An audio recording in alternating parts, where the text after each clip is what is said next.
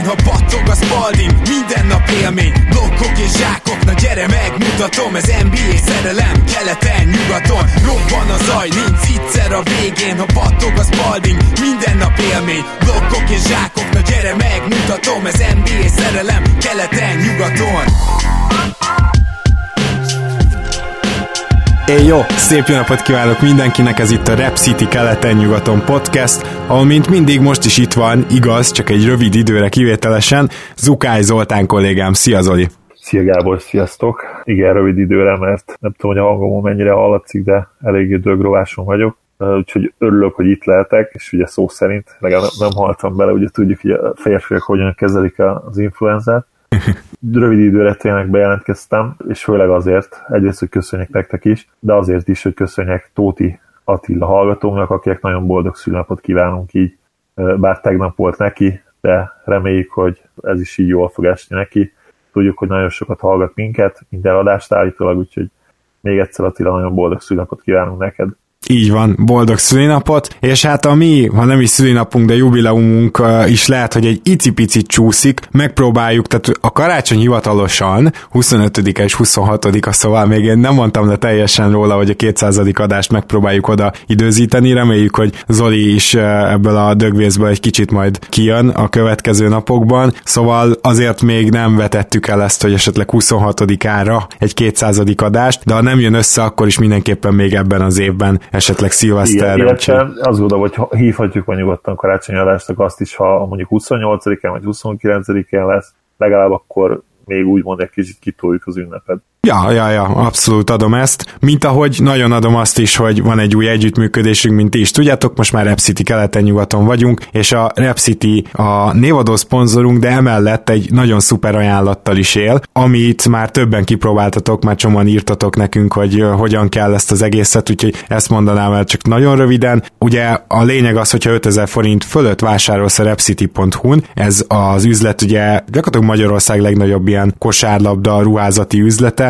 akkor kapsz ajándékba mellé egy Jordan zoknit, és ezt úgy tudod megtenni, hogy a vásárlásnál a kupon hozzáadására rámész, oda beírod, hogy podcast, ez a promókód, csupa kisbetű, pod, cast. Esetleg, hogyha nem cipőt veszel éppen náluk, hanem akár, mit tudom én, tehát tényleg az 5000 forint annyira így alacsony, és annyira jó fejek ezáltal, hogy éppen egy leárazott pulcsit is megvehetsz 5500 forintért, amellé is fogsz kapni egy Jordan zoknit, csak akkor majd a vásárlásnál a megjegyzés rovatba írod, hogy hanyas a lábad, ugye ez elég fontos információ ilyenkor. Úgyhogy ez az egyik, amit még el szerettem volna mondani, és a másik ide a műsor elé, az természetesen a Gaminátor. Van Facebookon egy rögzített bejegyzésünk, ami így folyamatosan bővülni fog, tehát mindig érdemes majd frissíteni, és a lényeg az, hogy ezen találtok egy linket, és hogyha a Gaminátor applikációt már letöltöttétek, ha játszottatok vele, és esetleg elfogyott a kreditetek, akkor itt után tudtok tölteni, ez csak a keleten-nyugaton hallgatói számára van, mert hogy a Gaminator applikáció ezúttal is különleges támogatója ennek a podcastnek, és hát Zoli, akkor valószínűleg veled jövő héten találkozunk, igaz? Hát legrosszabb esetben én nagyon remélem, igen, jövő héten. Hát, ha még, még ezen a héten is összejön valami, bár ugye, ha fel is vennénk egy podcastet, mondjuk a hétvégén az is már nyilván inkább a jövő héten megy ki, úgyhogy, úgyhogy igen, valószínű, hogy a jövő héten fogjátok újra hallani, remélem, hogy akkor már a normál hangomat. Köszönöm. Sziasztok! Szia Zoli! De a mai podcastben azért nem egyedül leszek, ha már így elköszöntünk Zolival, hanem ö, elvileg egyébként ugye tegnapi podcast lett volna ez, de egy overreaction lesz, és ebben Pándi Gergő lesz a segítségemre, aki itt is van, úgyhogy gyakorlatilag váltva Zolit, szia Gergő! Sziasztok! Zolinak jobbulást így az éteren keresztül is, és Köszöntök mindenkit, remélem tudom helyettesíteni valamennyire Zolit, bár, bár elég nagy feladat ez. Persze, főleg a Zoli fél out of the box gondolatok, de amiért nagyon-nagyon jó, hogy az overreaction velünk vagy, hogy statisztikában talán te vagy a legjobb hármunk közül, úgyhogy mindenképpen várom, hogy milyen észrevételeid vannak. Már csak azért is, mert több olyan csapatot veszünk ma gorcső alá, amelyek az elmúlt időkben cseréltek. De kezdjük akkor az egyik cserével, ami nem régen volt, és szerintem szerintem legalább két-három szót azért ejthetünk róla. Tehát ugye három gárda volt érintett, a Milwaukee Bucks, a Cleveland Cavaliers, és ebbe úgymond milyen mellékákként beszállt a Washington Wizards is, és a játékosok, akik csapatot cseréltek, az ugye George Hill és Jason Smith gyakorlatilag mind a két másik csapattól kapott a Bucks egy-egy játékost. George és Jason Smith szerződése is ilyen szempontból baráti, ugye Hillnek jövőre szinte a teljes fizetése nem garantált, és ez azért elég jól jön a Milwaukee-nak, illetve Smithnek is már ez egy egyéves szerződés, azt hiszem, vagy ha több éves is, akkor is ez az utolsó év. Tehát ez fontos. A Cavs megkapta John Hanson-t, megkapta Matthew Dellavedovát.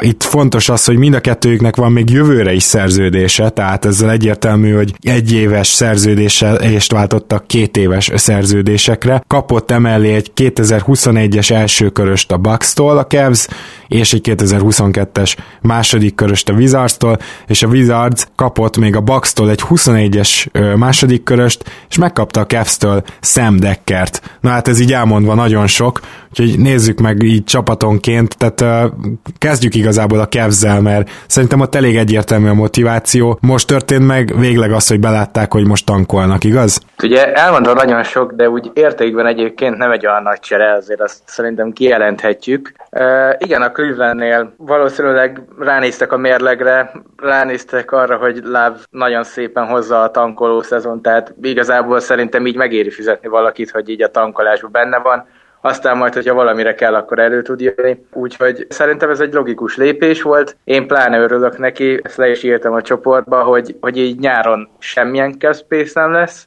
É, nyáron nem tudják megint azt mondani, mint idén, hogy hú, akkor most playoff, és akkor valakit meg, megdobunk 15 millióval, mert kb. annyi cap space lett volna, hanem idén nem tudnak költeni semmit. Jövőre viszont lesz összesen egy love szerződés, egy nem szerződés, Sexton, meg uh, bár, bár Chedinek talán lejár, ebben nem vagyok biztos, mindegy, de az első háromnak biztos, hogy lesz szerződése, és hát ugye azért egy Nance, mondjuk, hogyha idén Zion-t megszerzik, plusz Láv, az már mindenképpen egy ö, bajnok esélyes csapat, mivel hogy így ott van Lenz. Majd Nance, na, már, már én is belekavarodtam.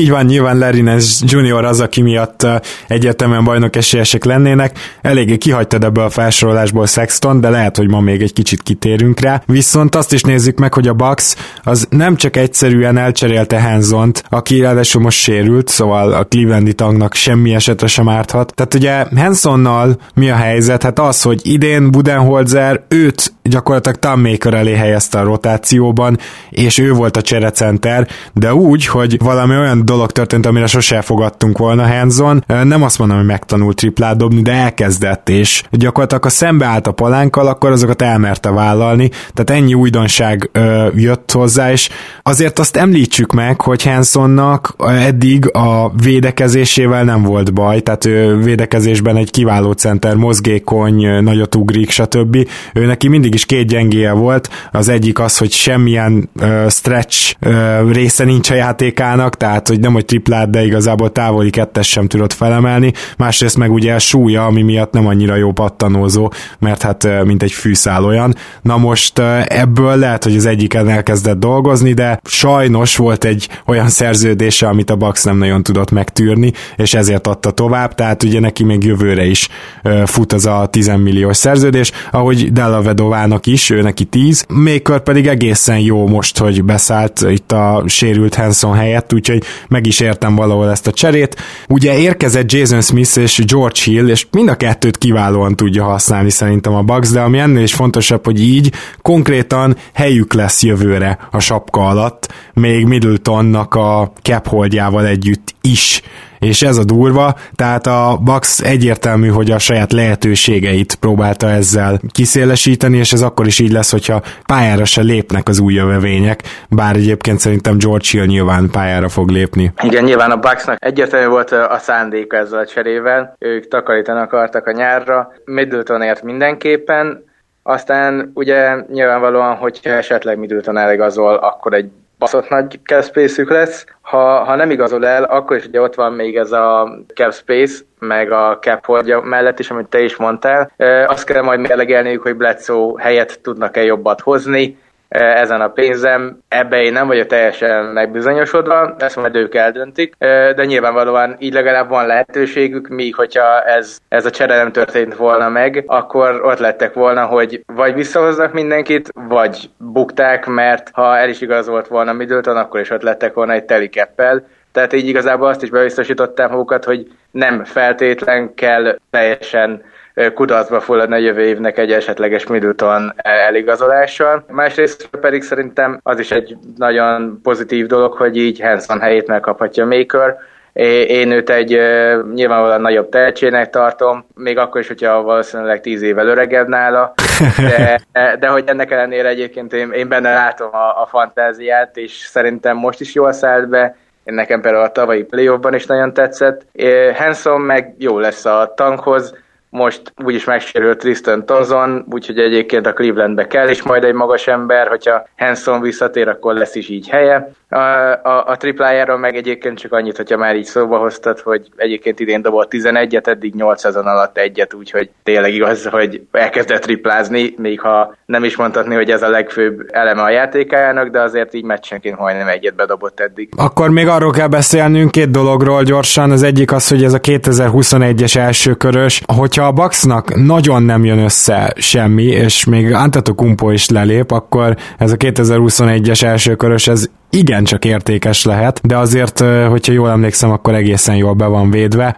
Lesz ebből első a Clevelandnek szerinted? Először is ugye az van, hogy a Bucks idei draft pickje az a Sunsnál van, és csak akkor marad a Bucksnál, hogyha playoffba jutnak. Ez így elég valószínű, hogy a playoffba jutnak, magyarul a Bucksnál fog maradni. Így viszont a jövő évi fog menni a Phoenixhez, azaz a 2022-es pick mehet először majd a Cavshez, és akkor nem 2021-es, hanem 2022-es pickről beszélünk.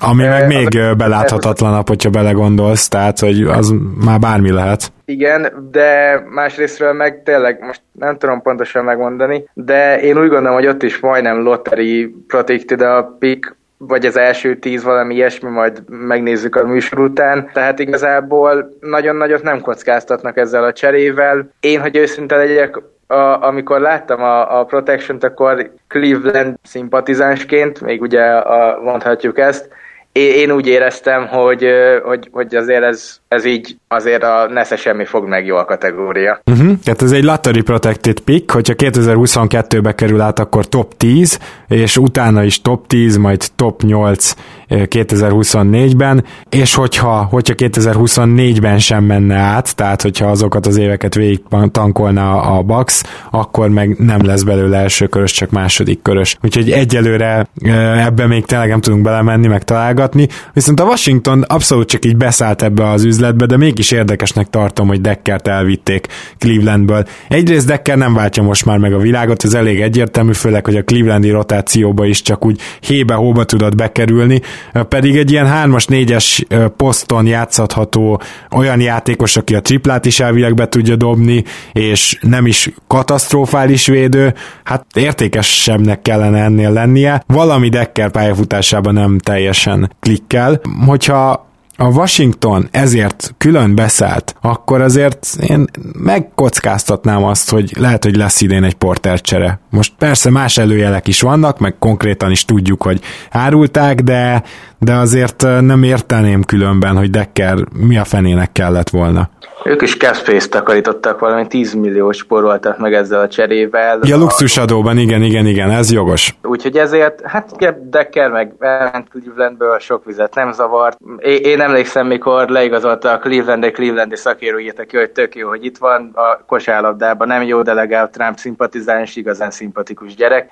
Mindezt ugye ironikusan, úgyhogy én, én nekem ennyi maradt meg körülbelül Decker Clevelandi pályafutásából. Hát kíváncsi leszek, hogy Washingtonban egyáltalán szerepet kap-e, vagy esetleg csak azután kap szerepet, hogy már a Sacramento-val elcserélték. Én mert mindig kitartok emellett. Na de akkor menjünk a mai adás overreaction részére, ahol uh, én szerintem először kezdjük egy másik cserének az utózöngével, ugye az eddigi uh, szezon legnagyobb cseréje talán az a Minnesota-Philadelphia uh, tranzakció volt, ahol Jimmy Butler átkerült Philadelphiába, és akkor kezdjük is velük, mert a Fili azóta hasít. Röviden úgy lehetne összefoglalni egyébként, hogy tényleg javultak, de nem ennyit. Tehát a Fili nagyon durva van, ami 9-2-t futottak azóta, és a, ami kifejezetten érdekes, vagy számomra az, hogy mennyire nem hiányzik nekik Szarics vagy Saric. Uh, ugye ezt még mindig nem döntöttem el magamba, úgyhogy bocsi mindenkitől. Tényleg az van, hogy ő egy olyan négyes, aki ugyan be tudja dobni a triplát, de idén nem dobta be, és hiába, hogy például jól passzol, hiába, hogy amúgy intelligens, hiába, hogy egy ilyen közepes védő. Egyébként meggyőződésem, hogy ő is centerbe azért nyilván jobb védő, tehát annyira nem mozgékony. De ahhoz, hogy te a csapatodhoz hozzá tudj tenni, mint mondjuk playmakinggel, és magas legyél, ahhoz tényleg Jokisnak kell lenned, vagy, vagy Draymond Greennek, vagy Margasolnak, nem elég egy Dario Sarisnak lenned, főleg nem úgy, hogy Simonsnál van állandó a labda, és Embiid is ugye ott van, neki posztabb pozíciók kellenek, vele kell pick and rollozni, tehát ilyen szempontból Saric nem volt rossz fit Philadelphiában, de most nagyon látszik, hogy, hogy nem hiányzik nekik. Igen, Szaricsnak főleg a gyenge szezon kezdet miatt egyébként megállapítható, hogy az idei Filin nem játszik, nem látszik a hiánya. Igazából én ezt a cserét akkor is jónak éreztem, mindkét oldalról, majd fogunk a másik oldalról is beszélni. Szerintem ez azóta is látszik, és talán a legnagyobb pozitívum, amiben sokan mm, bizonytalankodtak, hogy, hogy van, van itt hely a három embernek, meg tudnak ők együtt férni ezen a pályán, sőt, ugye Simonsnak kifejezetten jót tett az, hogy Butler miatt Fulc kikerült először a kezdőbe, aztán ugye most megint egy válsérülés mizéria van, arról nem tudom, akarunk-e beszélni, lehet. Nem. Nem, majd ha esetleg Fulc még NBA pályán lesz, lehet, hogy egy három hét múlva az is lehet, hogy egy év múlva, akkor igen, szóval viszont ennek ellenére tényleg Simonsnak nagyon jól jön ez, hogy Redik van mellette és nem Fulc, és így végre látszik az, hogy azért ő nyáron fejlődött abban, hogy hogy kell megbontani még jobban védelem megbontásában, még jobban tudja szervezni a játékot. Évelején olyannak tűnt, hogy mint hogyha stagnálna, de egyre inkább úgy tűnik, hogy ez csak azért volt, mert Fulca nem fértett meg a pályán.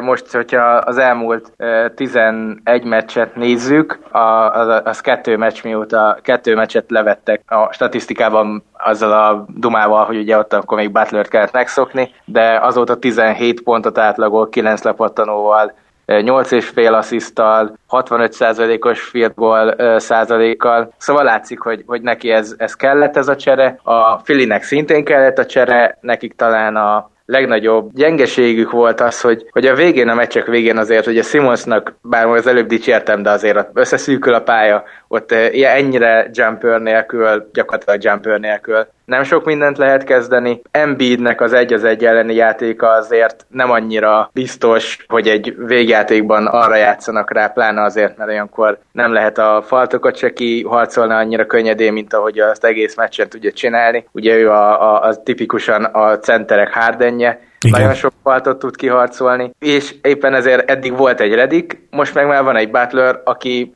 itt van 10 meccs óta, és eddig kettő game winner dobott, tehát innentől kezdve miről beszélünk, amikor azt nézzük, hogy jó-e a meccsek végén. Kellett ő, és azóta egyébként jobb is a negyedik negyedekben a Philadelphia, úgyhogy nekem ez a csapat tetszik. Fulcra meg majd meglátjuk, mi lesz vele. Úgy összességében egyébként azért azt ki lehet mondani, hogy ez a tavalyi csere még ha jó lenne Fulc, akkor is bebizonyosodott, hogy nem volt egy jó csere, és itt Brad Brownnak azért a felelősségét megpróbáljuk elmismásolni, de neki látnia kellett volna már az tavaly, a tavaly nyáron az, az edzések, meg a, a Summer League alapján is, hogy Simons mellé nem kell még egy irányítót hozni, és teljesen felesleges azért felcserélni, hogy elhozzunk egy irányítót, mert ha Fulsz nagyon jó lenne, akkor se kellene ebbe a csapatba.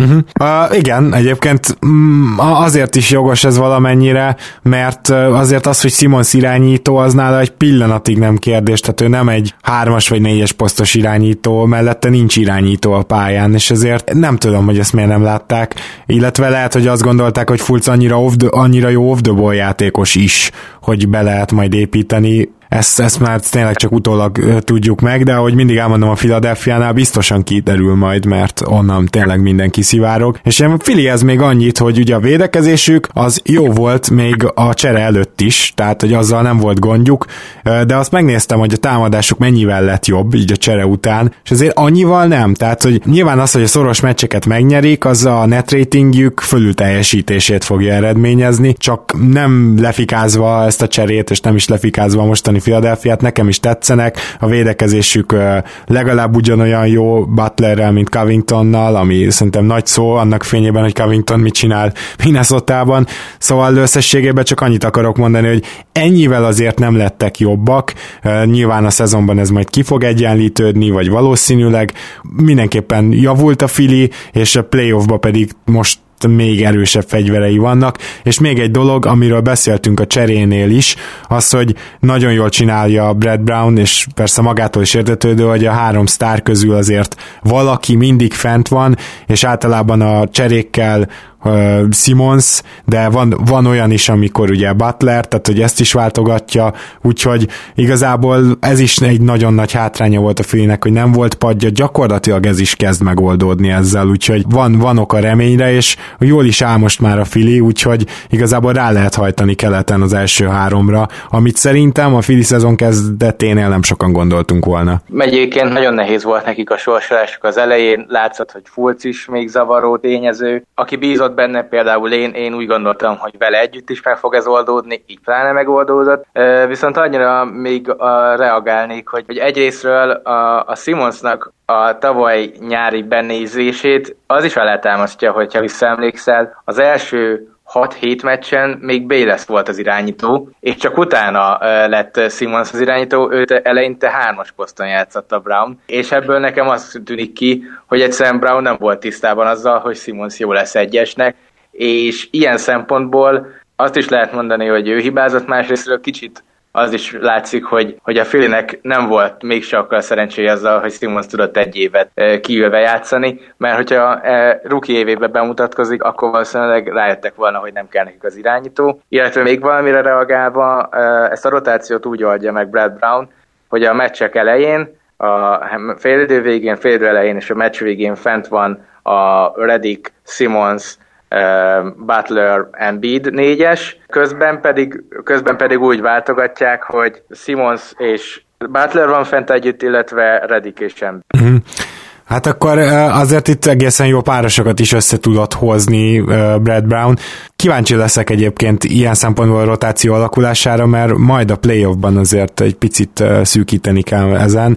Például Muscala vajon tagja lehet egy playoff rotációnak, vagy Wilson Chandler elég lesz-e ott arra a 3-as 4-es posztra kiegészítőnek. Hát ezeket majd kiemelten figyeljük természetesen, és amikor legközelebb mondjuk február elején ők kerülnek az overreactionbe, akkor biztos, hogy reflektálunk rá, de nézzük meg a csere másik oldalát is, mert hogy a minnesota is szerintem azt mondhatjuk, mondhatjuk, hogy jól sült el ez a csere.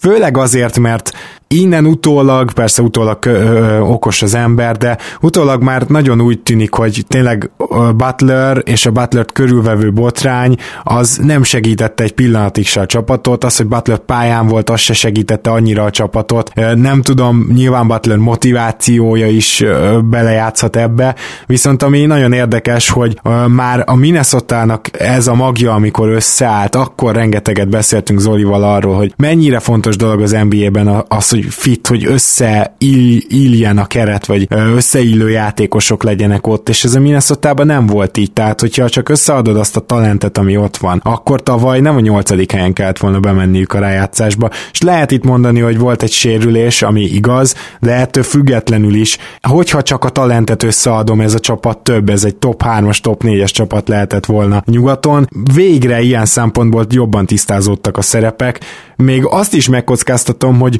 az akár már általunk és mások által is százszor eltemetett Wigginsnek is jót tehet ez az egész.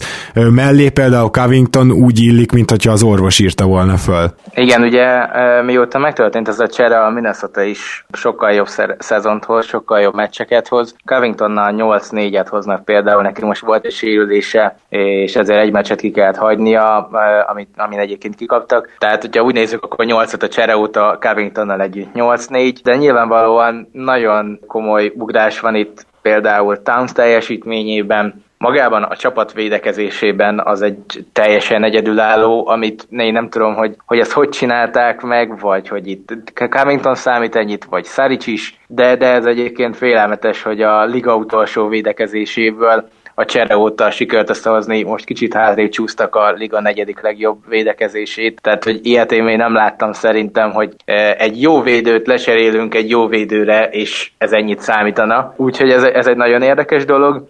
Csak úgy megemlítem, hogy ezt így még inkább számszerűsítsük, hogy mennyit számít Covington és Saric. Covingtonnal a csapatnak a védekezése az 98-as defensív ratinget hoz, ez azt jelenti ugye, hogy 100 labda birtoklásban 98 pontot kapnak, ami kiemelkedő. Így van, de Szaricsal ez még jobb, és Szaricsnak pedig sose a védekezésétől voltunk elárulva, de neki 95-ös a defensív ratingje a Minnesota-ban, ami, ami egy brutális szám. Igen, azt tegyük gyorsan hozzá, hogy Saric ugye a padról érkezik, és nem is játszik olyan sokat, azért nem a szokásos Tibodó féle 10 percek, tehát ennyire azért megbecsüli, de igen, tehát hogy elképzelhető, hogy például annak a padnak elképesztően jól jön egy jól passzoló magas ember, mert az abszolút nem volt.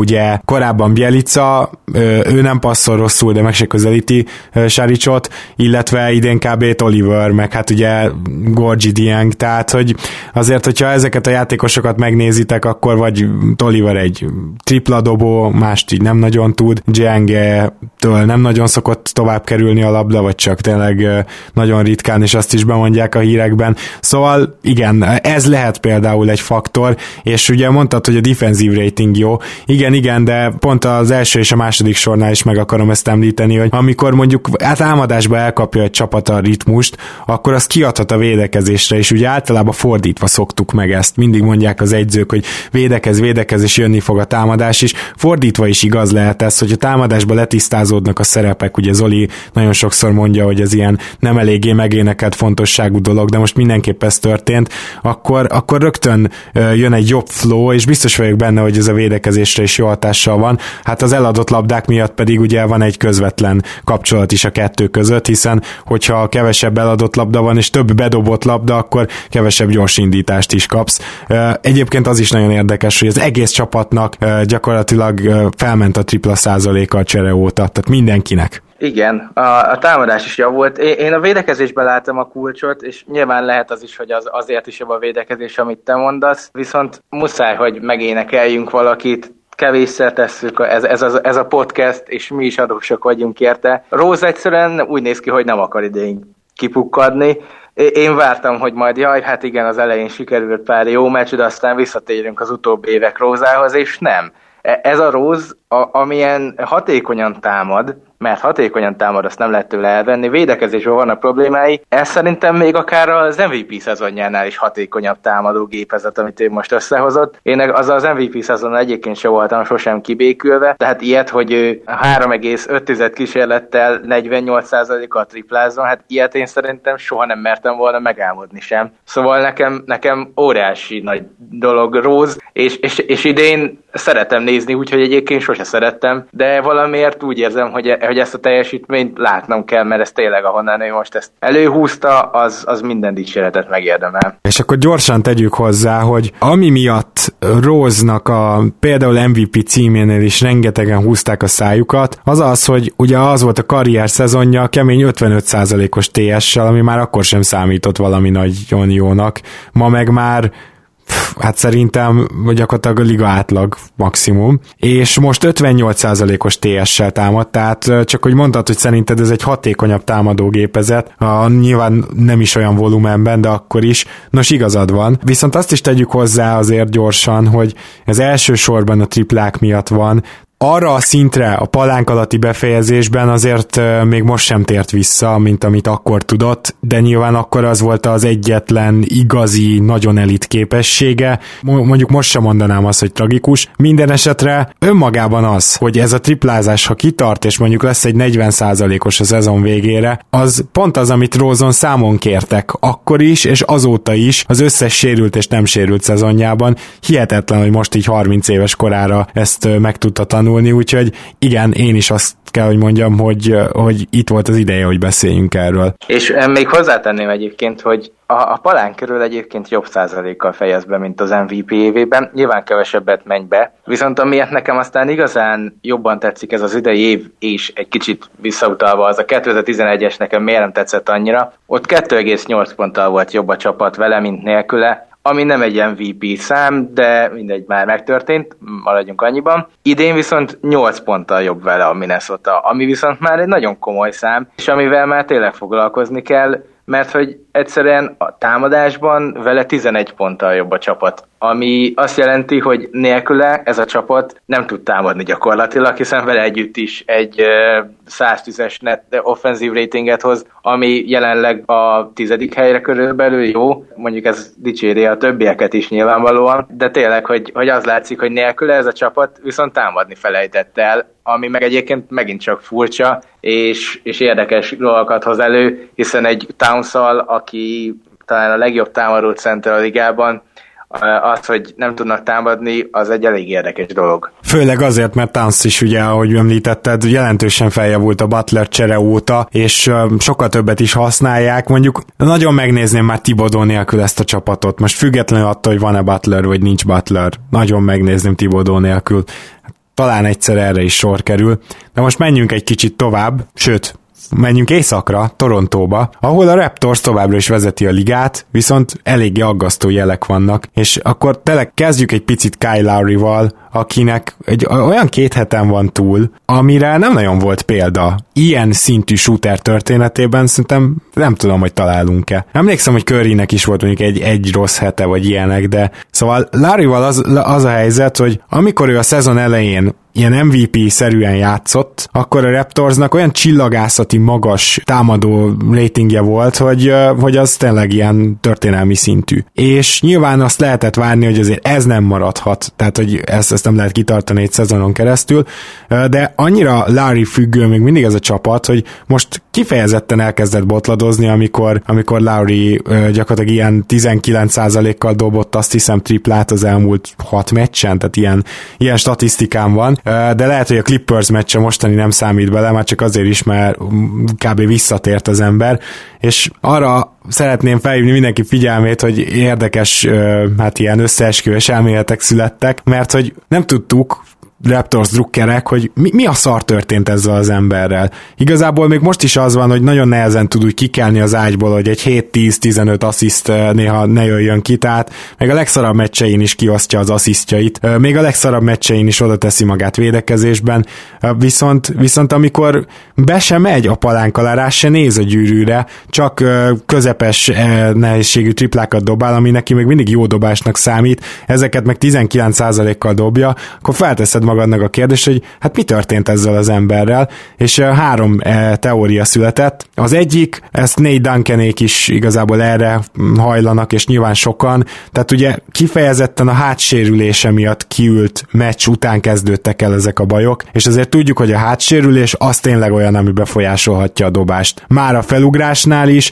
és a dobó mozdulatban is. Nem tudjuk pontosan, hogy hol sérült meg, csak ugye az a legnagyobb probléma Laurival, hogy róla abba a bizonyos playoffba is, azt hiszem 2015-16-ba is akkor derült ki, hogy baj van a könyökével, amikor már egy teniszlabda nőtt a helyére. Ő egyszerűen nem mondja, tehát ő ilyen típusú játékos, hogy soha büdös életben nem fogja bemondani, hogy sérült vagyok. Szerintem még a csapat orvosainak sem. Tehát ö, egyszerűen ilyen típus, ő átjátszik az összes sérülésen, meg hogyha 45 perceztetik, akkor 45 perceztetik, ő, ő csinálja, amíg bírja, meg amíg tud járni. És nincs ezzel baj, baj, meg én szeretem az ilyen küzdő típusokat, csak hogyha tényleg ez volt itt a probléma az elmúlt időkben, akkor, akkor sokkal jobban megérte volna, hogy kiüljön.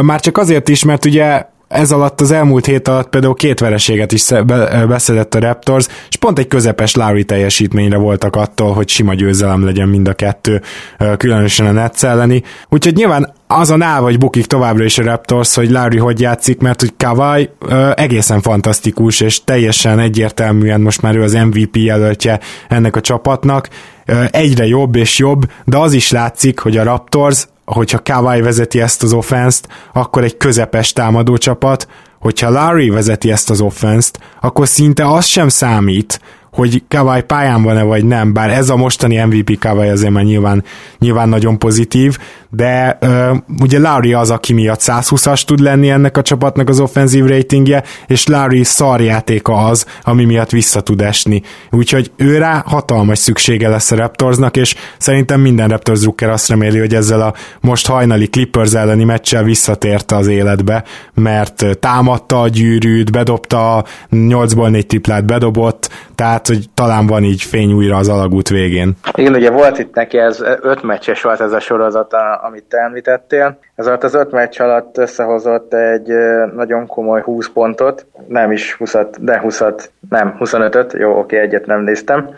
19% a field goal százaléka volt egyébként, a három pontos az 16 százalékos volt. Oh. 6 kísérlete, Treyang egyet csettintett, amikor megnézte, és, és tényleg nagyon durván látszott, hogy szerintem olyan volt, mint aki indisponált is, én a, a Milwaukee és a Denver elleni meccset láttam, mind a kettőt ugye bukta a csapat, egyébként kettő-hármat hozott ez az öt meccs alatt a Toronto, úgyhogy ez így az idei vereségeiknek eddig majdnem az 50%-át hozta ki ez az öt meccs, úgyhogy látszik, hogy tényleg Lauri mennyire fontos láncszem.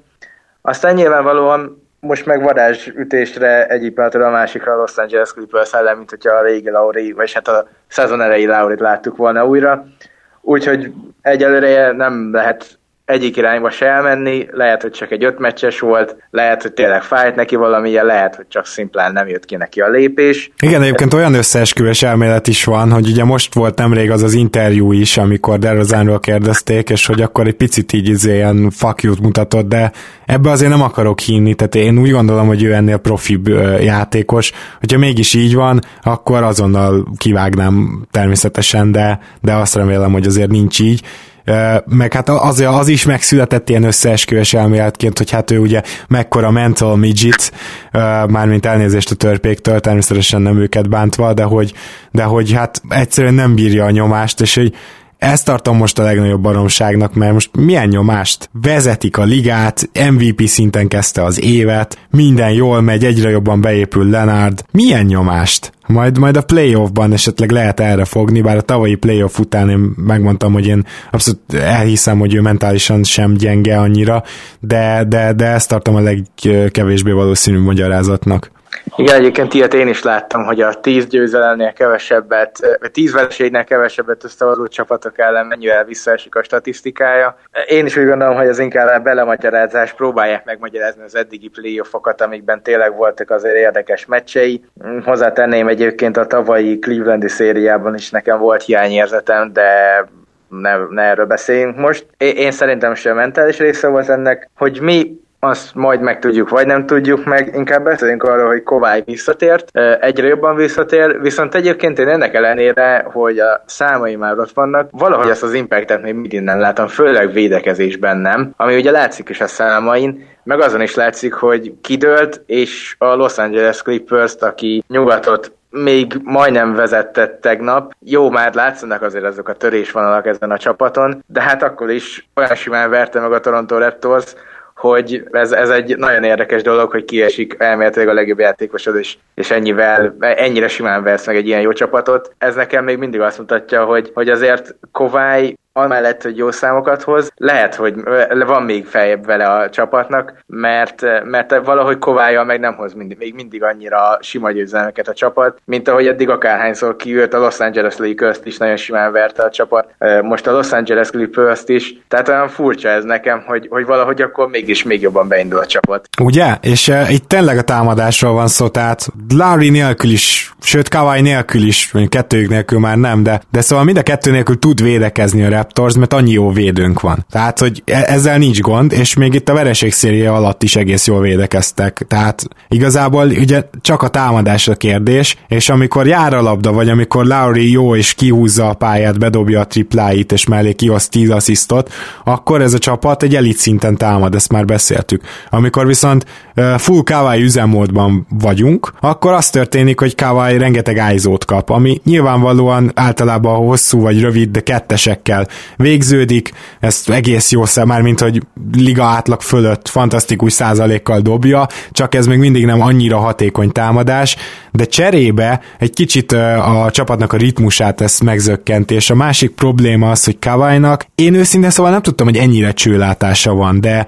nagyon nem látja meg ezeket a túloldalon üresen álló játékosokat, akikről mondjuk a, ugye a gyenge oldalról jött a besegítés, tehát a túlsó sarokból valaki befutott, és hát totál üresen egy Danny Green, egy Kyle Lowry, és Kawai nem látja meg, vagy nem tudja oda passzolni. Ezen azért még van mit csiszolni. Kawai játéka támadásban sosem volt egyébként azon az elit szinten, és ez pontosan emiatt volt, tehát hogy ő a Spursben azt a négy-öt asszisztot úgy hozta össze, hogy csukott szemmel is tudta az összes Spurs játékos a másikról, hogy hol van, meg volt a rendszer. A Raptorsnál, hogyha ez meg lesz, akkor emelkedhet az asszisztátlaga, és már vannak pozitív jelek, de azért ezt tényleg felhívnám mindenkinek a figyelmét, hogy Kawai ilyen szempontból nincs olyan szintű támadójátékos, mint mondjuk egy Durant. És tényleg nem arról beszélek, hogy mert Durant se passzol úgy, mint ahogy LeBron James tud, meg mint ahogy például Lonzo Ballnak ez óriási erőssége, hogy az egész pálya fölött átlát, és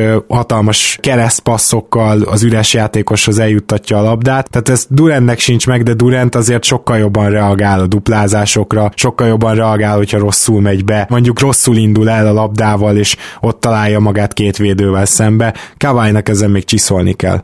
Igen, de ennek ellenére az is igaz, hogy például volt neki azért olyan playoffja talán a pont sérülés előtt, amikor meg egyszerűen megállíthatatlanul játszotta az egy, egy, egy az egy ellen, és idén is látszik az, hogy azért egy az egy ellen, ő, ő a, ott van a legjobbak között, és talán csak Durant és James az, aki jobb, neki, jobb abban, hogy egy az egy ellen menjen valakivel szemben, úgyhogy azért ez, ez viszont a végjátékokban jól jöhet a, a, az akármikori csapatának, jelenleg ugye a Raptorsnak. Illetve a playoffban, mert azt se felejtsük el, hogy ott, amikor a védelmek már tényleg igazán megismerik az ellenfél támadójátékát, sokkal több ilyen egy az egy elleni, akár ISO szituáció van, csak arra akartam válaszolni, válaszolni összességében, hogy, hogy miért hiányolhatod ezt az impactet. Hát ez legfőképpen ezért van, és védekezésben meg azért nincsen impactje, mert nélküle is Sziakamok, meg Ananubik, meg Venvlitek, meg Danny Greenek rohangálnak a pályán, meg Ibaka a centerben, hát ezek így, ez mind elitvédő. Tényleg Danny Greennek kapcsolatban az megvan, hogy 27-es az on-off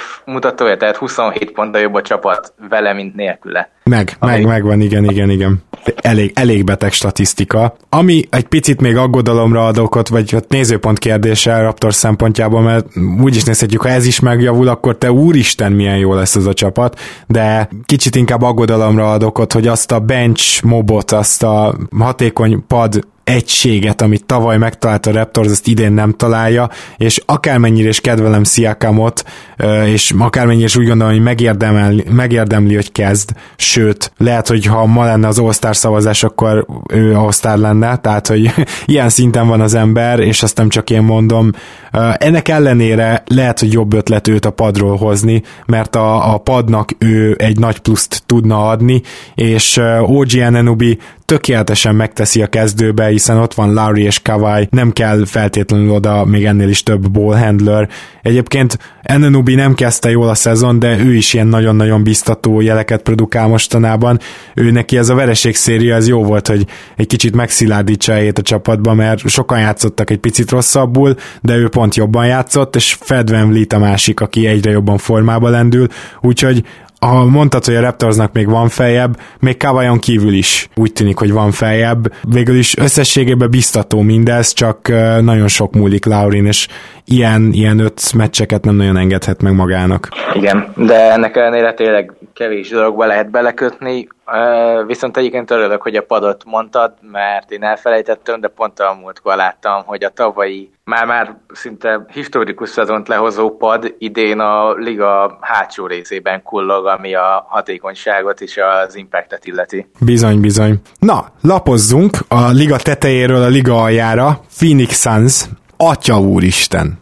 Nem tudom, mi mehetnek át a Suns rajongók, és itt most nem elsősorban arra gondolok, hogy oké, okay, itt egy csapat mondjuk nem úgy indult, hogy tankol, mert ugye elég bátor kijelentések voltak, de azért titkon mindenki tudta, hogy hát nem lesz az olyan jó, de hogy ennyire rosszak lesznek, azt nagyon nehezen tudom feldolgozni, és ennek több oka van, az egyik az, hogy én azt gondoltam, hogy a Kokoskov idejön, és a saját kis támadó rendszerét ráinstallálja a Sunsnak a merevlemezére, akkor azért az egy jelentős erőlelépés lehet. Hát nem, nem, nem lett az. Tehát, hogy látszik, hogy sokkal több assziszt van, most már nem ilyen tök utolsók, meg ilyen utolsó ötben lévő csapat asszisztok tekintetében, tehát ilyen szempontból működik, de aztán mégsem működik, mert nem is támadnak elég hatékonyan, és hát a védekezésükkel is akad probléma, tehát, hogy ezt legalább sorrendben számszerűsítsem, a Suns jelen pillanatban hátulról, mindjárt számolok, a harmadik, tehát 28. támadásban, és 29. védekezésben és azért ez igazából mindent elmond. Azon se csodálkoznék a Kokoskov alatt remegne a pad, pedig nem ő tehet erről, ebben szinte biztos vagyok. Ennek ellenére nagy csalódás azért Kokoskodtól a, a, az európai pedigré alapján. Hát mindent vártunk, de azt nem, hogy egy ennyire gyenge első szezont fog hozni. Nyilván nem sokat segít rajta az, hogy Devin Booker, aki a támadás alfája és omegája már másodjára sérült meg, de ennek ellenére azért túl sok pozitívon nem lehet elmondani erről a Phoenixről. Aiton a múltkor egyébként értetetlen módon a padra tette, nem tudom, hogy ez most miért volt azóta, és azóta nem néztem, hogy ott tartja-e, de az is egy érthetetlen döntés volt. Illetve, hogyha már így Kokoskovnak az érthetetlen döntésénél tartunk, meg úgy egyáltalán az egész GM ö, csapatnak, James jones az élen, az, hogy Jamal Crawford miért átlagolt 16 percet egy olyan csapatba, amelyik a liga hátuljában, tehát mindent csinálhatna, csak pont nem veteránokat játszatni kellene, Na, azt nem fogom megérteni sohasem. Hát ez számomra is értetetlen. Nyilvánvalóan ilyen ball handlert akartak behozni, mert annyira nem működött a csapat egyszerűen irányító nélkül. Természetesen Crawfordnak semmi köze az irányító poszthoz, de legalább ball handler.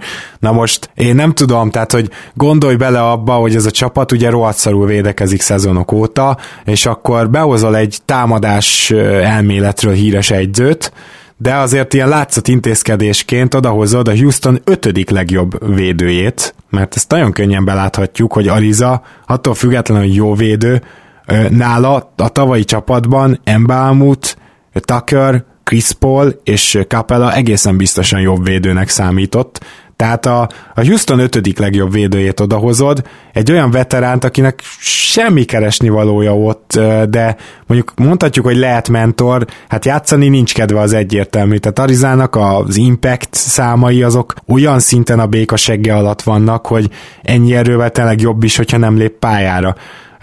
ugye érkezett Ryan Anderson, nyilván ez egy ilyen szépészeti csere volt gyakorlatilag. Anderson lemondott a szerződésének bizonyos részéről, garantált részéről jövőre, szerintem ki is fogják vásárolni. Na most Anderson is mit segít a védekezésen? Nyilvánvalóan semmit, ehhez képest kezdett. Csak összességében azt szeretném mondani, hogy a vezetőség, hogyha komolyan gondolta, hogy idén már nagyobb terveket szeretne szőni, akkor mégis mi a fenét csinált uh, arra nézve, hogy itt a Suns elkezdjen védekezni, mert azért azt mindenki pontosan tudta, hogy ezzel a, azt hiszem egymás egymás után kétszer liga utolsó védekezése a playoffnak a halvány közelében nem lesznek. Hát igen, meg ugye hát ez az Ariza csere, ez maximum, vagy ez az Ariza igazolás, ez maximum akkor lett volna jó, hogyha ők úgy gondolják, hogy, hogy itt valami playoffért kellene menni, és hát hogyha ezt úgy gondolták, akkor rohadt nagyot tévedtek, és úgy egyáltalán olyan, olyan furcsa nekem ez a Phoenix, tankolnak 5-6 éve, és úgy nem látszik, hogy hogy fognak ők egyről a kettőre lépni. Például az idei év talán lenne jó csalódás az Josh Jackson, aki tavaly év végén azt mondtuk, hogy hú, na, akkor végre úgy néz ki, hogy ő beindult, aztán már emlékszem, hogy idén a Summer League után is beszéltük, hogy, hogy egy ennyire botrányos Summer League-et régen láttunk egy ilyen jó játékostól. Igen, csak akkor még legyintettünk, tudod, hogy jó, oké, rendben, tehát Summer League. Igen, hát azóta most már nem tudunk csak legyinteni, most már itt az, e, az éles alapszakaszban is, is nagyon gyenge. Ugye nagyon jól néz ki, hogyha megnézzük a small forwardoknál az RPM-et, a 87 ember kvalifikálta magát, 84. George Jackson, és hát a, ő, ő ugye a cseréje Arizának, de Ariza mondjuk érthető, hogy előtte van, hiszen 81. ebben a rangsorban, úgyhogy egyébként nagyon jó, de ez, ez a csere ez mindenképpen jó tesz a csapatnak. Ja, Istenem. Ez is nagyon durva. Az is, hogy Erről már beszéltünk korábban, hogy nem fogok sokat beszélni erről. Warren azért még annak ellenére is elkezdett triplát dobni, még mindig nem a modern NBA-be való játékos. De ő lehetne fény az alagút végén, de hogy ő egy bajnokcsapatnak maximum a 7.-8. játékosa lenne, az is biztos. Ehhez képest nézzük meg, hogy azért kapott egy egész tűrhető szerződést, bár egy nem olyan vészes, tehát szerintem elcserélhető azért az, de hát kire cserélhető el, mert ugye a másik probléma, amit így orvosolni kellett volna, hogy hát igen, nincs irányítónk. Na, ezt nem orvosolta a Suns, cserébe aztán a szezon első három meccse után már így országvilágnak hirdették, hogy irányítót keresnek, hát persze, hogy a nadrág szíjat is elkérték róluk, Rozierről, meg még több ilyen fiatal irányítóról is volt szó, és mindenhol ilyenek merültek, vagy elsőkörös, meg nem tudom, tehát hogy szerintem a csapatok olyan pofátlanul elkértek mindent a Sunsnál, és természetes, hogy akkor nem sikerült végrehajtani a cserét. Hát igen, tehát kell egy irányító ez a játékhoz. Nem muszáj, hogy egy 185 centis pass first irányító legyen, de valamiféle irányító kell ez a játékhoz. Ez van, ez a helyzet. Lehet, hogy mondjuk Miami-ban nem, de azért ott is látjuk, hogy Dragic mennyit számít. Tehát, hogy vannak olyan csapatok, akik gyakorlatilag olyan játékot játszanak a Denver is, ahol nem kell klasszikusan egy ember, aki kezeli a labdát, de attól még nagyon-nagyon jól jön, hogyha van ilyen, és kell. Ez sincs a Sunsban. Az is nagyon látszik, hogy, hogy gyakorlatilag teljesen elvesztett, fejvesztett játékot játszanak, és még azt is tegyük gyorsan hozzá, hogy Aiton azért messze nincs még azon a szinten támadásban sem, hogy felemelje ezt a csapatot. Hát egyébként én Aiton úgy gondolom, hogy kicsit túl sokat szidják, nincs neki olyan rossz szezonja, egyszerűen rossz az a csapat. Egy jobb csapatban ő is sokkal jobb lenne, én úgy gondolom. Nyilván például az előbb is említetted, hogy nincs irányító, Szerintem egy centernek, talán, ez talán a centernek a legfontosabb, hogy legyen egy irányító. Így van. Ő, hogy Jokicsról beszélünk, mert akkor meg ugye ő az irányító sokszor, de hát nyilvánvalóan neki a fizikai paramétereiből is látszik, hogy neki írtozatosan megdobná a statisztikáját, mert csak az, hogyha lenne valaki, aki aliupokra felteszi neki a, a labdát, vagy megjátsza bent, a, amikor e, éppen olyan helyzetben van, de jelenleg egyedül Booker képes erre, hogy megjátsza bent. Booker sérülés sérülésekkel szenved, ő se, de és egyébként sem az a tipikusan hüde jó passzkvalitásokkal rendelkező játékos, úgyhogy én Aiton nem szídnem. Hát én se szídtam, csak azt mondtam, hogy egyedül nem tudja feljebb emelni ezt a csapatot, és ezt szerintem igaz. Nem rá gondoltam, több Igen. helyen olvastam ezt, hogy fú, már básznak van ki kiáltva, meg már, már úristen, mekkora hiba volt, hogy, hogy, hogy egy per egyesen, egy per egyesként elvitték, mert hogy nem lesz belőle sose semmi, mert hogy rossz védő, stb. Szerintem a védekezését is össze lehet rakni, van néhányszor jó momentuma, nyilván nem, nem olyan sokszor, de tényleg itt megint az van, hogy egy ennyire szarul védekező csapatba nem lehet valaki kis király, tehát egy ilyen, ilyen rossz a védekező csapatnál egy hogyha ott lenne egy Rudy Gobert, akkor ő se feltétlen tűnne annyira jónak, mint mondjuk egy utában. Igen, igen, persze, hát ez bőven benne van, úgyhogy én ezért nem is bántanám, bár egyébként így is az, a, az, hogy mennyire nem tud blokkolni, az, hogy mennyire nincs, nem jelent rim protection abban még kell fejlődnie, maradjunk ennyiben, tehát azért nyilván számára is fontos lesz az, hogy majd ebbe fejlődjön, de hát nincs miről beszélni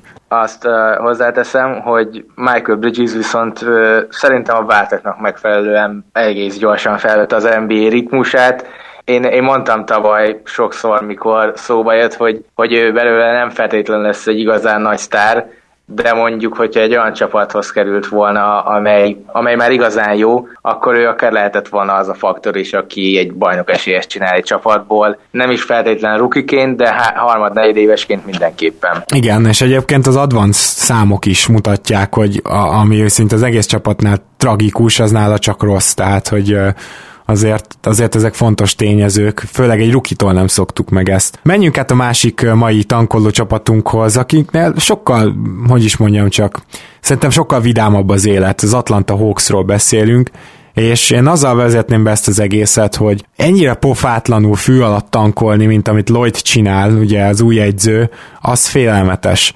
Tehát Atlantában az a helyzet, hogyha megnézel egy meccset, akkor azt fogod látni, hogy 12-13 ember pályára lép az első félidőben, van, aki ilyen random három percet kap, van, aki ö, mondjuk három perc után lejön kezdőként, ö, sose tudod igazán, hogy ki lesz a kezdő, az se igazán, hogy ki a második sor, olyan, mint hogyha ilyen kihívás játék lenne, hogy na, akkor bizonyítsatok, és akkor a meccs végén a legjobbak maradnak fenn. És minden meccsen, ráadásul minden meccsen változik, szinte nem is lehet követni, és ez be lehet magyarázni, hogy a fiatalokat akarják fejleszteni, de hogyha ezeket a magyarázatokat egy terepasztalra kitennéd, akkor mindegyiket egyenként tiporná agyon egy ilyen kis uh, sólyom-mintás tank, amiből Trey Young feje mosolyogna ki. Igen, egyébként ez abszolút látszik a, a csapatnak a, a tényleg a rotációin is, meg hogy nem is nagyon erőltetik túl a dolgokat. Viszont egyébként a másik oldalról is védhető, mert tényleg a fiataloknak adnak sok esélyt, Carteren kívül nem is tudok mondani olyan veteránt, aki úgy igazán nagyobb szerephez jutna. Bazemore nyilván még ott van, de szerintem őt cserélni akarják, és őt azért nyomják. Egyébként ennek ellenére én szoktam nézni a, a Hawks meccseket, én szeretem őket nézni, annak ellenére, hogy, hogy nagyon gyengék tudnak lenni. Egy de rakat úgy... triplát rádobnak, viszont a liga kb. legrosszabb százalékával teszik mindezt. Nyilván ebben mondjuk Treyangnak az a 24 százalékos triplázása eléggé belejátszik öt és fél kísérlettel. Ennek ellenére John Collins mióta visszatért, ő nagyon jó, tényleg látszik, hogy azért miért láttak bele sokan, sokat, például ti is sokszor mondtátok. Bembrynek is vannak jó meccsei. Collinsnak meg Bramblynek egyébként az advanced statok is azt árulják el, vagy legalábbis az on-off mutatók, hogy amikor ők pályán vannak, akkor jó, jobb, jóval jobb a Hawks. Hát igen, Collinsnak mindenképpen, mert ugye mióta Collins visszatért azóta nyertek is több meccset talán, vagy szoros meccseket játszanak, úgyhogy Collins nagyon jó szezont hoz. Aki kevésbé hoz jó szezont szerintem, és még most nem Trae beszélve, az, az Prince, aki, aki nekem ilyen csalódás, mert mert ő tavaly mondjuk úgy, mint ahogy az előbb Josh Jackson elmondtam, de ő egy egész szezont hozott úgy le, hogy, hogy azt mondtuk, hogy hm, igen, ez a srác, ebben van valami. Kicsit ilyen Chris Middleton jutott róla eszembe ráadásul, aki éppen most tart a max szerződése felé, szóval nekem is csalódás. Igen, és ehhez képest fejlődést semmit nem látni, visszafele fejlődést annál többet, Védekezésben sem tudja semmit se javítani ezen a csapaton, nyilván nem egy jó védő csapat, de, de tényleg őnála is az van, hogy, hogy egyszerűen na se látjuk, hogy, hogy mondjuk róla kevesebb pont jönne, mert nem ő is ugyanúgy elazrálja, ő is ugyanúgy elváltja az emberét, úgyhogy Úgyhogy ő csalódás. Young meg, hát nem hoz jó szezont. Óvatosan fogalmaztál. Tehát... De egy, egyébként úgy gondolom, hogy, hogy, hogy ez egy nagyon furcsa anomália, hogy én amiért őt féltettem, az az, hogy egyszerűen az ő méreteivel nem fog tudni bemenni a gyűrű alá, nem fog tudni csak tripláról maximum megélni, és ehhez képest pont az van, hogy pont, hogy tripláról nem tud megélni, mert egyébként az, hogy ő neki a duplái az 46% környékén vannak, az egy rookie irányítótól tökre tűrhető, csak mellette ott van az a rohadék 6 kísérlet triplából, ami 23-24%, és ez az, hogy így teljesen a fordítottját várná az ember, és nagyon nagy kérdés, hogy, hogy hova tűnt az a dobás, ami tavaly megvolt, mert, mert tavaly megvolt, és egy egész NCAA szezonon volt ez meg, és egy valamit nem lehet elvenni az egyetemi kosártól, az pedig az, hogy aki ott tud dobni, főleg így, ahogy ő dobott, az, az annak, az egy, annak az NBA-ben is be kell dobnia az üres dolgokat, meg a meg a tripláinak be kellene, hogy essen, és ehhez képest nem esik be szinte semmi neki. És hát ugye a legnagyobb probléma az, hogy védekezésben viszont nagyon árt a csapatának. Egyébként az Atlanta a védekezésben 23 24 valami ilyesmi, tehát hogy ö, adás előtt néztem meg, de 29 támadásban, tehát érdekes, hogy ennek ellenére támadásban vannak nagyobb bajban, ö, viszont amikor Treyang a pályán van, akkor muszáj, hogy valamit csináljon előrefele, mert hátrafele tényleg árt, és ezt minden létező statisztika megmutatja. Ami nagyon érdekes Bembiriben az az, hogy ő többször van fenn, mint, a, mint úgymond csereirányító. Tehát igaz, hogy egy kettes, hármas, de ugye ő ez a, most félreértés ne essék, nem LeBronhoz akarom hasonlítani, ez a LeBron típusú játékos, de van ilyen még Batum, tehát még sokan vannak. Az a kettes, hármas, aki ball handlingre alkalmas, és Bembry szerintem egészen elkezdett ficánkolni ebbe a szerepbe, úgyhogy nyilván sokszor van pályán Lin is, de Lin ilyen szempontból akár off-the-ball játékosnak is tekinthető, aki néz Atlanta meccseket, az tudja, miről beszélek, egyáltalán nem mindig Lina kezdeményező, és éppen ezért ez az Atlanta pad, ez egy picit azért tud javítani ezen az összvédekezésen, amit Young produkálnak, és John Collins is elől-hátul, tehát védekezésbe, támadásba is kiválóan szállt be, úgyhogy én azon se csodálkoznék, hogyha év végére akár mondjuk ilyen 20-21. helyig felkúszna ez a Hawks védekezésben, Young is ennél már csak jobb lehet, viszont hogy a támadásuk hogy fog javulni, azt nem tudom, mert említetted, hogy Prince mennyit inkább visszafejlődött. Nos, elég nehéz lehet úgy játszani, hogy négy perc után lekap az egyződ, és akkor a félidő utolsó hét percére rak vissza, már pedig itt folyamatosan ilyen dolgok történnek Prince-el.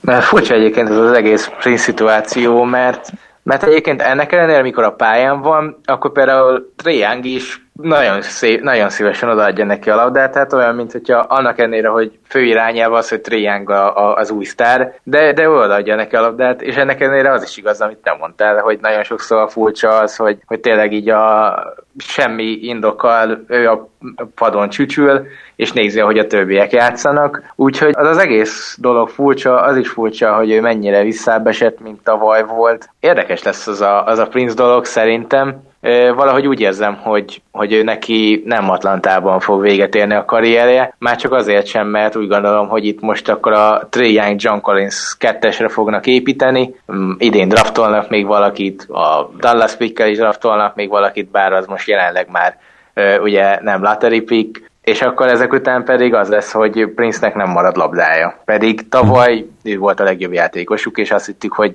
hogy ő is lehet akár egy franchise player is ebben a csapatban. Aztán lehet, hogy egy trade chip lesz a végén, vagyis egy cserében értékes opció. Ilyen szempontból is érdemes lesz figyelni az Atlantát, és egyáltalán nem vagyok róla meggyőződve, hogy nem lesz itt még mozgás, ahogy mondtuk is, például Bazemore elcserélése biztos, hogy ott van az asztalon. Úgyhogy szerintem lesz itt még mozgás, és nem hiszem, hogy egy Suns alul tudnak tankolni, de a Clevelandet lehet, hogy megpróbálják majd. Igen, ez még benne lehet, főleg, hogyha azt nézzük, hogy Sexton egyébként milyen jó szezont hoz az utó, milyen jó meccseket hoz igazából. A szezon az még túlzás, mert az eddig eltelt szezonnak a felében hoz nagyon jó számokat, és a Cleveland is egész jó, bár mondjuk most pont meg sérült Tristan Thompson, Larry Nance ugye visszafogja magát, mert nagyon okosan ő nem akarja elrontani ezt a tankot, tehát azért az látszik benne, hogy akármikor tudna ő egy ilyen MVP szintre is ugrani. Igen, egy ilyen 30 pont 14 lepattanó őt assziszt azért benne van, igaz?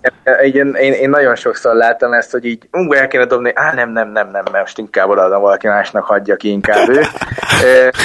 Úgyhogy, úgyhogy igen, tehát megvan az esélyük, hogy alultankolják akár a Clevelandet, mert egyébként ők annyira nem néznek ki szarod az utóbbi időben, és azért láb, hogyha egyszer visszatér, akkor ő neki lehet, hogy fokozni meccseket. Na mondjuk Viszont... a Bulls az még, igen, az még nehéz lesz. Hát de én azért a Bullsnál nem láttam annyira rossznak a helyzetet, nyilván most éppen van egy kis csapatkémiámnak a megbomlása, stb.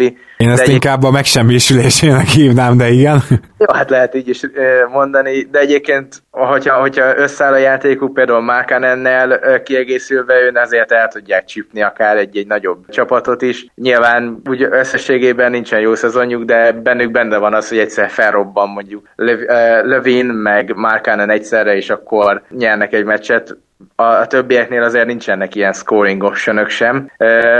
Viszont pont erre akartam még utalni, hogy, hogy Atlantában is megvan az esély arra, hogy egyszer Tréjengnek összeáll a dobása, és azért amikor neki összeáll a dobás, egyébként ez nagyon furcsa és megfigyeltő, akkor neki rohadtul összeáll a dobása. Nem véletlen volt ugye neki ez a 35 pontos, volt 30 körüli pontos meccse is, és tényleg, hogyha neki beakad az első kettő-három triplája, akkor ő az a támadó fegyver, akit vártunk, és hogyha ez így alakul, így Kalinszal együtt a, egyébként benne van, hogy, még, hogy, hogy inkább ők lesznek azok, akiket alul tankolnak. Ezt a versenyt is figyelni fogjuk. Gergő, nagyon szépen köszönöm, hogy beugrottál, nem is csak a szokásos overreactionre, hanem ugye Zolit is pótolva valamennyire, és majd hamarosan találkozunk veled, mert most azért elég régót, régen elemeztünk legutoljára csapatokat, mindenképpen fogunk a közeljövőben, meg hát itt karácsony, meg új év környéken rengeteg ünnepi adás lesz, abba is nyilván majd bevonunk, úgyhogy úgyhogy köszönöm szépen a mai hozzájárulásodat, segítségedet. Én köszönöm, hogy itt lehettem, és Zolit helyettesíthettem, bár nem volt jó az apropó, neki még egyszer jobbulást, és akkor majd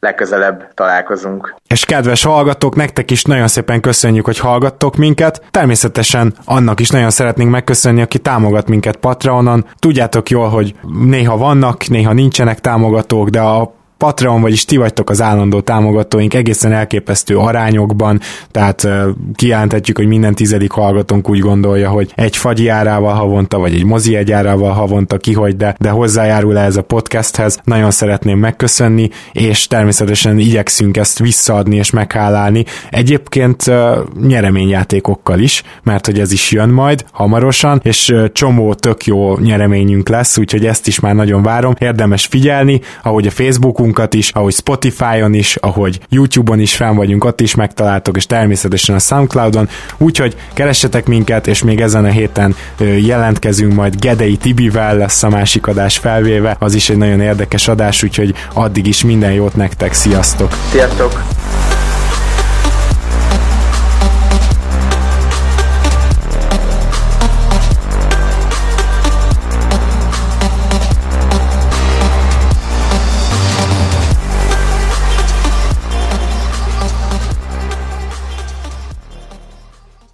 Ha más podcastekre is kíváncsi vagy, hallgassd meg a Béton műsor ajánlóját. El tudod képzelni, hogy a podcastet, amit éppen most hallgattál, fél év múlva már a mesterséges intelligencia generálja? Mi sem. De ha érdekel, eljötte már a gépek lázadása. Hallgass bele az Embertelen podcastbe. Orsós Lajos vagyok, a műsor házigazdája. Egyelőre még élőben. Egyelőre. Fedezzük fel együtt, hogyan ismerkedik, randizik, mesél és vitatkozik Betty és Péter, két teljesen mesterséges intelligencia. Lajos, a podcast címét mond még egyszer, Léci. Oké. Okay. Embertelen podcast. Ez a műsor a Béton közösség tagja.